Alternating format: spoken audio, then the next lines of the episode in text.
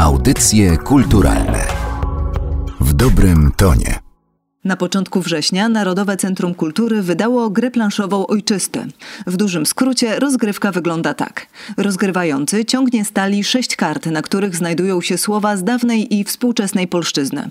Następnie losuje, które z nich będzie trzeba w danej rundzie odgadnąć. Pozostali gracze na podstawie losowych i dość enigmatycznych wskazówek obstawiają, jakie słowo rozgrywający ma na myśli. Wynik przekłada się na liczbę pól, o które przesuwają się ich pionki. W grę zagrałam z recenzentką z portalu Games Fanatic Joanną Kozłowską-Pięcek, a w dalszej części odcinka zapraszam na rozmowę z twórcą ojczystego Karolem Madajem.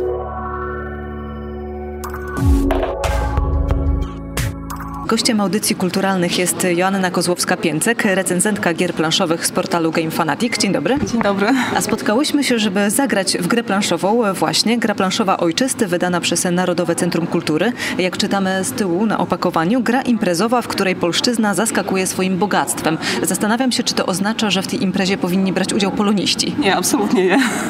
To gra dla każdego. Dla każdego dlatego, że wynosimy z niej po prostu wiedzę i dobrą zabawę. To w takim razie spróbujmy. Nie ma wśród nas polonistów chyba? Nie. Nie ma. Więc mamy wylosowanych sześć słów. Tym razem jest to szata, sztubak, antycypować, coachować, challenge i bulwers. Losuję, które słowo będę podpowiadać. Pięknie. A teraz e, losujemy karty, które pomogą na to słowo naprowadzić. Jestem gotowa. Odpowiadam jedno, to będzie przeciwne. Budzi litość na diabełka. Tak jest. A na aniołka położymy najbardziej zielone. I teraz ja odgaduję, o jakie słowo może chodzić. Po dłuższym namyśle obstawię e, dwa słowa, bo nie jestem pewna, czy to jedno, czy to drugie, ale obstawiam, że wśród tych dwóch powinno się e, znaleźć e, to słowo, którego szukamy. Obstawiam dwójkę i trójkę, czyli sztubak i antycypować. Jest! tak, to jest antycypować. I w ten sposób e, otrzymuję punkty i poruszam się moim pionkiem po planszy w kierunku mety. Jak już miałyśmy okazję się przekonać, gra nie jest e, łatwa i trudno jest e, czasem odgadnąć, co ma na myśli ta osoba, która próbuje w jakiś sposób nam podpowiedzieć, o jakie słowa chodzi. Jest to ciekawe, dlatego że okazuje się, że znamy zupełnie różne słowa. Tak jak ja sporo grałam z dziećmi, no to one nie znały słów, które ja znałam i odwrotnie. Ja się bardzo dziwiłam temu, że coś, co dla mnie było zupełnie z kosmosu, które ja widziałam w ogóle po raz pierwszy w życiu, a dla nich to była normalka. One się dziwiły, że ja w ogóle nie wiem o co chodzi i że muszę doczytywać, e, jeszcze się dopytuję ich. Mnie to sprawiało frajdę.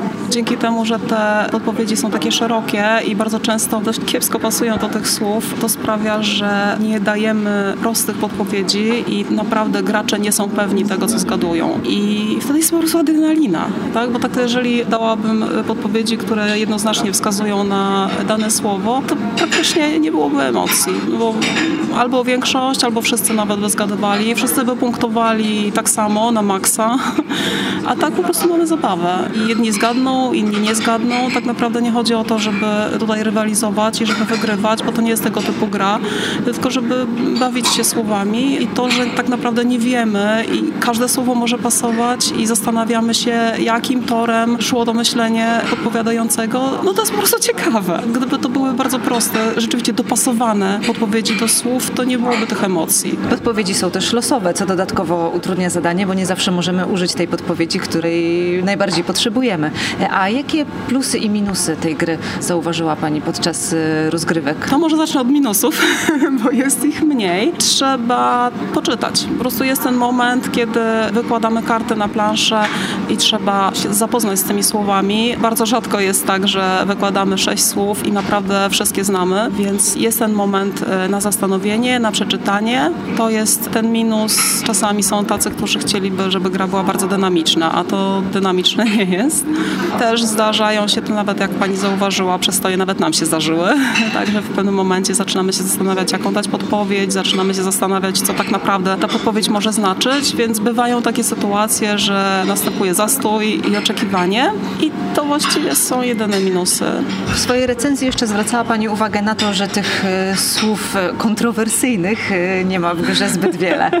No tak, ale to trochę żartobliwie to pisałam. Na pewno byłoby bardziej pikantnie, gdyby tych e, słów e, czerwonych było dużo, no ale to chodzi przede wszystkim o to, żebyśmy ubogacali nasz język, bo i tak jeżeli ktoś nadużywa danego słowa, no ja na przykład nadużyłam masakra, to i tak w zasadzie po tej grze, no nie sądzę, żeby nagle się oduczył. No może przyjąć do wiadomości, może popracować, ale może też mogłoby się tak zdarzyć, gdyby tych słów było bardzo dużo, to nagle byśmy zaczęli używać tego, czego nie powinniśmy używać. Ale myślę, że łatwiej będzie w tej sytuacji odwrotnej, czyli kiedy poznajemy słowa nowe dla nas, e, one gdzieś tam e, chyba na dłużej z nami zostaną. Jakby tutaj ta zmiana jest e, albo powinna być widoczna. Poznamy nowe, ciekawe słowo i będziemy być może go używali. No tak, zdecydowanie. No, to jest właśnie wielki plus tej gry, że możemy rozszerzać swoje słownictwo. I tak jak widzę to oczywiście po pierwszej rozgrywce, czy nawet po jednym zetknięciu ze słowem, to trudno, żeby tak nam zapadło, ale generalnie po kilku partiach, te słowa się przewijają, jak po raz kolejny spotkamy się z tym słowem, to ono w jakiś tam sposób zapada w nas. Ja się na przykład nauczyłam słowa pewex. Kiedyś nam wyszedł pewex i byłam bardzo zdziwiona, że to w tej chwili jest używane jako pewnik. Ja to znam jeszcze sprzed 30 lat, kiedy się chodziło po prostu do peweksu.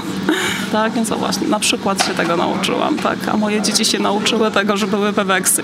Tą grę wykorzystuję również na zajęciach ze studentami i też wydaje mi się, że całkiem się nieźle bawili. Plusem tej gry jest, że można się bawić aż do 8 osób.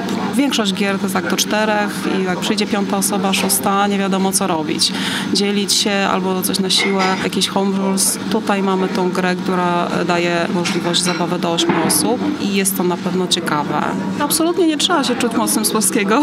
Ja na przykład się w ogóle nie czuję mocna z polskiego, a języka polskiego nie lubiłam, a z tą grą się czuję dobrze. Natomiast osoby, które szukają rywalizacji, mużdżenia, przesuwania się pionkiem, y, to nie raczej takim osobom bym nie poleciła. Natomiast osobom, które lubią luźne rozgrywki, niekoniecznie takie, żeby grać, aby wygrać, tylko żeby się przy tym bawić, które mniej zwracają uwagę na tą sprawiedliwość punktacji, na to, czy wygrają, czy przegrają, to jak najbardziej. To jest zaleta tej gry, że nie gramy po to, żeby wygrać, więc na przykład można y, z powodzeniem grać y, z takimi osobami, które sobie kiepsko radzą z przegraną. Po prostu cały przebieg gry jest emocjonalny, a nie sama końcówka. A po ilu rozgrywkach powiększy się nam zasób słów? O, nie wiem. Myślę, że jest to tak bardzo osobnicza sprawa, że trudno powiedzieć.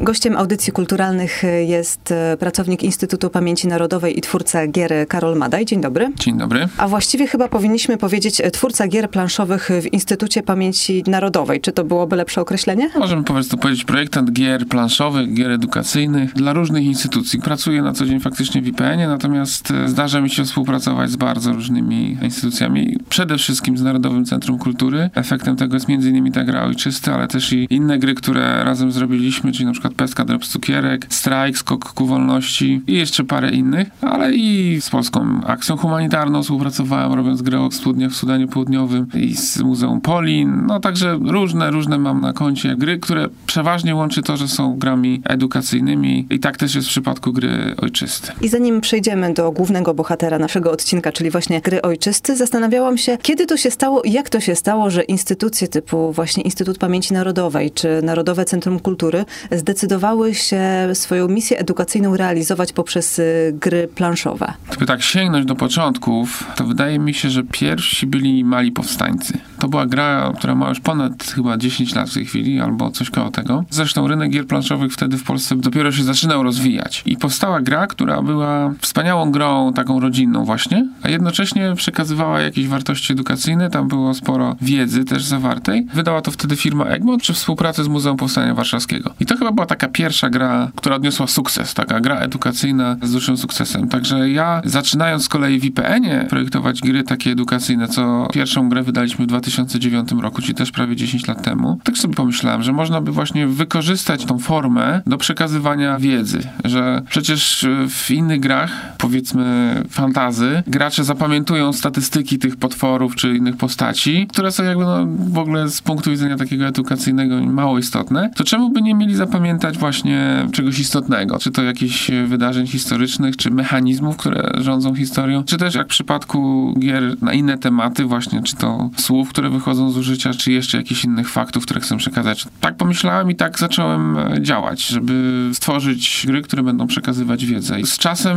inne instytucje, no bo to w zasadzie równolegle, Narodowe Centrum Kultury i IPN tworzyły gry, bo chyba odkryliśmy to wspólnie, że jest to po prostu skuteczna forma edukacji i że młodzież czy uczniowie, tak, no bo te gry edukacyjne są głównie skierowane właśnie gdzieś tam do szkół, grając, towarzyszą temu emocje, które skłaniają do tego, żeby zapamiętywać fakty, które są podane w grze. Także jest to zupełnie na innym poziomie zaangażowanie niż powiedzmy w czytanie podręcznika, który się po prostu czyta, zapamiętuje, ile kto zdoła. Tutaj, jeżeli trzeba zdobyć wiedzę w trakcie gry, żeby wygrać, to, to nas mobilizuje do zdobywania wiedzy, bo z kolei zła gra edukacyjna według mnie to jest taka, która wymaga tej wiedzy na początku. To potem inne instytucje też podchwyciły i takich gier już powstało ogółem w Polsce dużo, no i powstają cały czas nowe. I musimy jeszcze wspomnieć o tym, że te gry edukacyjne, o których rozmawiamy, to nie są te gry edukacyjne, które pamiętamy z naszego dzieciństwa, bo jak ja byłam mała i byłam taką grą obdarowywana, to nie pamiętam, żebym jakiś szczególny entuzjazm przejawiała z tego powodu, a na przykład Małych Powstańców mam w domu i grałam w nich wielokrotnie i ciągle jestem tą mhm. grą zachwycona. Tutaj też się dokonała duża zmiana, trochę może mniej tej misji, a więcej grywalności, bo kiedyś te gry edukacyjne to miały tę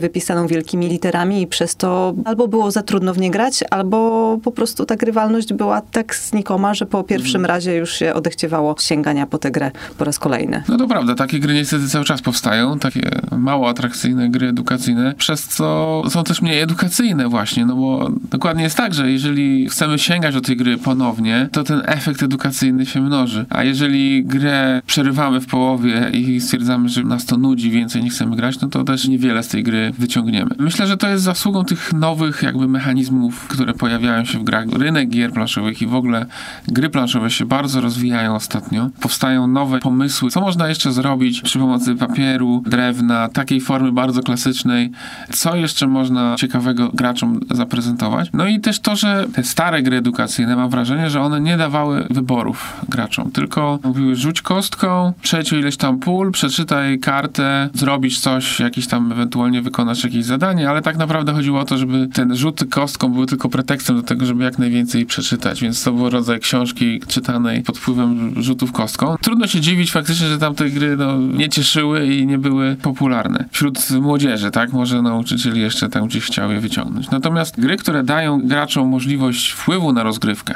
to znaczy, że mówią im, wygrasz, jeżeli wykażesz się jakimiś umiejętnościami, czy to zręcznością, czy sprytem, czy umiejętnością planowania, czy wykonywania optymalnych ruchów.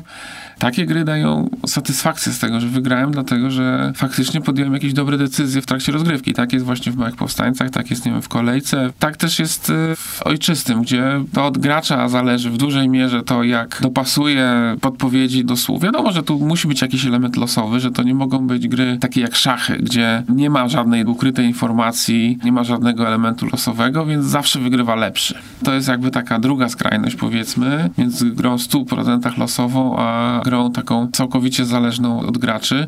Tam też może być z kolei nudno, bo jeżeli wiem, że jestem od kogoś gorszy, to już nigdy z nim nie wygram, tak? Dopóki nie poczytam książek o tym, jak zagrać w szachy lepiej, albo nie będę dużo trenował. Także takie rozwiązanie ma swoje wady. Więc dziś dobra gra edukacyjna jest gdzieś po środku, że ma jakiś element losowy, na który gracze nie mają wpływu, a ma też jakieś właśnie takie ciekawe decyzje do podjęcia. No i oczywiście musi być dobrze opracowana merytorycznie, żeby tutaj nie było żadnych wątpliwości, że ta gra przekazuje rzetelną wiedzę. A jak to wygląda z perspektywy twórcy, kiedy zabierasz się za tworzenie jakiejś gry? Słyszysz e, tylko, jaka ma być e, tematyka, jaki ma być e, mniej więcej pomysł, czy jeżeli mówimy o ojczystym, jest to gra językowa, czy w takim wypadku trzeba podejść do niej jakoś inaczej? Jak wyglądał ten proces od samego początku, kiedy pojawił się w ogóle pomysł, żeby zrobić grę, która właśnie tak się będzie nazywała? No na początku się bardzo w ogóle ucieszyłem, bo faktycznie do tej pory robiłem głównie gry historyczne, które opowiadały jakąś historię. Natomiast Natomiast tutaj mieliśmy zupełnie nowy temat, grę właśnie językową, a ja sam osobiście bardzo lubię gry językowe i gram w nie w domu, czy to w e, Scrabble, Słowotwory. Jest takich tytułów więcej. Trzeba ustalić sobie pewne założenia wstępne, dla kogo jest ta gra, czego ona ma tak naprawdę uczyć, co ma przekazywać. Stwierdziliśmy, że to jest jednak gra dla ludzi, którzy już trochę obeznania w języku polskim mają, jakby lubią czytać, powiedzmy profil e, Narodowego Centrum Kultury Ojczysty, interesują się tym tematem i żeby oni mogli czy między sobą pograć, czy też wprowadzić nowych graczy w ten świat właśnie polszczyzny. I potem się trzeba było zastanowić, jakie dobrać mechanizmy ze współczesnych gier, bo nie jest jakby tajemnicą, że tych mechanizmów jest około 50 i w zasadzie wszystkie gry, także gry edukacyjne, jeżeli wykorzystują nowoczesne mechanizmy, korzystają jakoś z tych 50 mechanizmów, więc tak naprawdę każda nowa gra jest rodzajem cytatu z poprzednich gier, które już istniały. Bardzo rzadko kiedy się wpada na coś zupełnie nowego, jakiś zupełnie nowy pomysł mechaniki gry. Ponieważ wiedzieliśmy, że tutaj mamy słowa, że bohaterem gry będą słowa. To nie będzie fabuła jakaś, jakaś historia, czy jakaś narracja, którą gracze przechodzą, tylko będziemy chcieli poznawać nowe słowa. I patrzyłem na różne gry, które wykorzystują właśnie słowa. Jest taka gra Tajniacy. Zresztą znakomita gra imprezowa, czyli taka, którą możemy zagrać w dużej liczbie osób, relatywnie szybko i taka, z której wszyscy mają dobrą zabawę. Nawet jeżeli przegrywają, to też się dobrze bawią. I w takie właśnie tutaj celowałem. Wychodząc od tego pomysłu, myślałem o tym, jakie słowa tutaj chcę przekazać. Czyli słowa, które już wyszły z użycia. Słowa, które chcemy jakby trochę przypomnieć, taki birban, rychło, to są słowa, które no, wymagają pewnego namysłu, pewnej koncentracji. Co z kolei mnie skierowało w stronę gry Dixit. Tam są takie trochę surrealistyczne obrazy, baśniowe i trzeba dobrać skojarzenie do obrazów. I te słowa, które mamy tutaj w grze, one mi bardziej właśnie przypominały nawet nie te takie proste słowa krzesło, mikrofon, plecak, cokolwiek, tylko właśnie mi przypominały takie bardziej baśniowe słowa, czy baśniowe obrazy jak e, w Dixicie. Stwierdziłem, że tych słów musi być mniej, żeby gracze mogli się skupić na znaczeniu tych słów, żeby mogli się trochę tak podelektować, porozgryzać rozgryzać te słowa w myślach i żeby mogli połączyć te słowa z odpowiednią podpowiedzią, ale właśnie w taki sposób bardziej może świadomy, czasem może odwołując się do swojej świadomości języka, do takiego wyczucia językowego i też do tego, co inni gracze mogą zrozumieć z tej mojej podpowiedzi. Także jest to taka zabawa, która właśnie niekoniecznie musi wyłonić zwycięzcę, który będzie się cieszył, że wygrał dlatego, że był najlepszy, tylko bardziej chodzi właśnie o to, żeby cieszyć się tymi słowami, żeby je poznawać, bo tu naprawdę jest takie bogactwo w tej talii kart jest tylko 140 słów, ale naprawdę nie ma nikogo, kto by chyba wszystkie te słowa znał, bo nawet jeżeli ktoś zna wszystkie dawne słowa, które tutaj użyliśmy w tej grze, to na pewno nie zna tych słów młodzieżowych. I to jest kolejny element ciekawy w tej grze, że ta gra, trochę podobnie jak moja wcześniejsza gra Kolejka, ona łączy pokolenia. Najfajniej się gra, jeżeli właśnie siadają do stołu starsi i młodsi. Te dyskusje o tych słowach, wydaje mi się, że one właśnie stanowią trzon tej gry, bo w pewnym momencie przestaje mieć znaczenie, kto o ile pól przesunął się i właśnie czy wygrał, czy nie wygrał, bo tu nie tylko są dyskusje międzypokoleniowe nad znaczeniem słów, ale również można dyskutować nad tym, czy one aby na pewno są we właściwej kategorii, bo niektóre słowa, które są w tej czerwonej, czyli zastrzeżonej, według niektórych, którzy często z nich korzystają, powinny trafić co najmniej do neutralnej. Też o to chodzi jakby w tej grze, żeby właśnie dyskutować, żeby badać samemu swoje jakby normy językowe, czy na przykład nie używamy tych słów, które tutaj zostały zaliczone do kategorii faktycznie czerwonej, czyli słów, które woleli wolelibyśmy, żeby w języku polskim nie było, żeby raczej używać jakichś zamienników. Na przykład, to nie wiem, jest słowo przeforwardować albo brief. E, słowa, które jakby wchodzą, powiedzmy, przez taki też może trochę żargon korporacyjny do języka, ale na które mamy po prostu lepsze słowa polskie, moglibyśmy je zastąpić. Natomiast faktycznie problematyczne jest czasem to, że są słowa, które już zadomowiły się, ale są na przykład pochodzenia angielskiego, ale już nie da rady ich z polszczyzny jakby wyjąć, przestać ich używać. Na przykład spam, tak? Spam chyba tutaj został zaliczony do kategorii właśnie takiej już potocznej, no bo nie ma lepszego słowa. To słowo już jakby, choć obce trafiło, tak? Zresztą no przecież na przestrzeni czasu inne słowa obce też trafiały do polszczyzny i tam się przyjmowały. To był wybór pani doktor Doroty Kopczyńskiej, która jest odpowiedzialna za merytoryczną oprawę tej gry i była konsultantką. Na pewno dobrze mi się z nią pracowało i udało nam się ten skład słów tej talii 140 ułożyć w taki sposób, żeby to były słowa maksymalnie takie pojemne, które właśnie będą przyjmowały różne podpowiedzi, bo taki jest mechanizm gry, że trzeba na nie dopiero gracza skierować. Zastanawiam się, dla jakiego grona polecałbyś e, tę grę? Czy to powinno być e, grono rodzinne, gdzie mniej więcej znamy sposób myślenia wszystkich graczy i łatwiej będzie nam e, spróbować wejść w ich umysły i odgadnąć, co próbują nam za pomocą tych abstrakcyjnych podpowiedzi powiedzieć właśnie? Czy fajnie jest, kiedy spotkamy się z ludźmi, z którymi nie znamy się aż tak dobrze, więc tutaj jest jeszcze ta dodatkowa trudność, że możemy mieć zupełnie inne skojarzenia na ten sam temat i czy zawsze zawsze w takim gronie powinien być polonista. No na pewno polonista nie jest niezbędny i wcale nie jest tak, że polonista tu będzie wygrywał. Myślę, że ta gra się dostosuje do różnych odbiorców. Może być to rodzina, natomiast nie z małymi dziećmi. Tutaj już trzeba nie tyle umieć czytać, odczytać jakby w ogóle słowo, tylko trzeba je jeszcze no, jakoś tak przyporządkować sobie na swojej mapie słów gdzieś tam w głowie, więc raczej takie powiedzmy dzieci pod koniec podstawówki i starsze mogą myślę tak w pełni się cieszyć z tej rozgrywki dopiero. Więc to jest na pewno jedna grupa ludzi. Natomiast ja tak myślałem o ludziach raczej młodych, dorosłych, studentach, ludziach, którzy chcą się spotkać w gronie, ludzi, którzy raczej znają i co do których mają więcej możliwości odniesienia się do jakichś relacji między nimi, w tych podpowiedziach nawet, do znajomości siebie nawzajem. Bo tam jest na przykład taka podpowiedź, która brzmi mniej więcej, zdarza mi się pomyśleć, ale na pewno tak nie powiem. Czyli Tak, jeżeli wiemy, kto jakim językiem się posługuje na co dzień, to łatwiej nam będzie wtedy odgadnąć, do jakiego słowa to może się Dokładnie, czyli jeżeli powiedzmy gramy z dziadkami, no to jeżeli babcia położy taką podpowiedź, no to pewnie, no może mieć, już mówimy o tym absztyfikancie, no to pewnie mogłaby użyć tego słowa jako swojego, może nawet wiemy, że to jest jakieś babci powiedzonko. Natomiast jeżeli tą samą podpowiedź, tą samą kartę położy młoda osoba, no to my się możemy domyśleć, że ona tego słowa na przykład by nie powiedziała, nie użyłaby na co dzień. Natomiast jeżeli znamy współgraczy, no to tym bardziej możemy przewidzieć, jakich oni słów używają i z tego spróbować wnioskować. Także to jest ten dodatkowy poziom gry, który otwiera się dopiero wtedy, kiedy gramy z bliskimi, tak? Z ludźmi, z którymi mamy dużo kontaktów. Także ja bym raczej powiedział, że to jest gra dla tych, którzy się znają. Być może, że w gronie ludzi, którzy no, też tak testowałem w takich przypadkowych trochę grupach, tam też się dobrze bawili, ale czasem właśnie, właśnie w tych grupach była długa dyskusja po jakby jednej rundzie, tak? Ale dlaczego użyłeś tego słowa? Przecież to słowo zupełnie znaczy coś innego. Ja tego używam zupełnie inaczej. Nie wiem, może u ciebie gdzieś tam, skąd jesteś, mówi się tak, czy z tej rodziny, ale my tak zupełnie nie mówimy, co jest dodatkowym elementem z kolei takim integracyjnym, czyli ta gra może też służyć do tego, żeby poznać się nawzajem, tak? Żeby zagrać właśnie w jakiejś imprezie, tak? Czy jakimś innym takim spotkaniu i potem mieć jakby nowe przeżycia. To jest dla mnie bardzo cenne w grach planszowych, że one tworzą wspomnienia. Potem jakby, kto wie, może nawet tworzą jakiś język i to by było moje największe marzenie. Gdyby gracze po takiej jednej rozgrywce, powiedzmy, przywitali salwą śmiechu jakieś słowo, czy jakąś podpowiedź do tego słowa, bo tak zdarzało się w czasie moich testów i potem, żeby właśnie widząc tą osobę mogli sobie przypomnieć, a tą zabawną sytuację z partii gry ojczysty i żeby to jakby tworzyło nowe relacje, tak? Nowe wspomnienia, do których można się będzie odwołać, co rzadko dają inne formy rozrywki. To jest właśnie wyjątkowe w grach planszowych.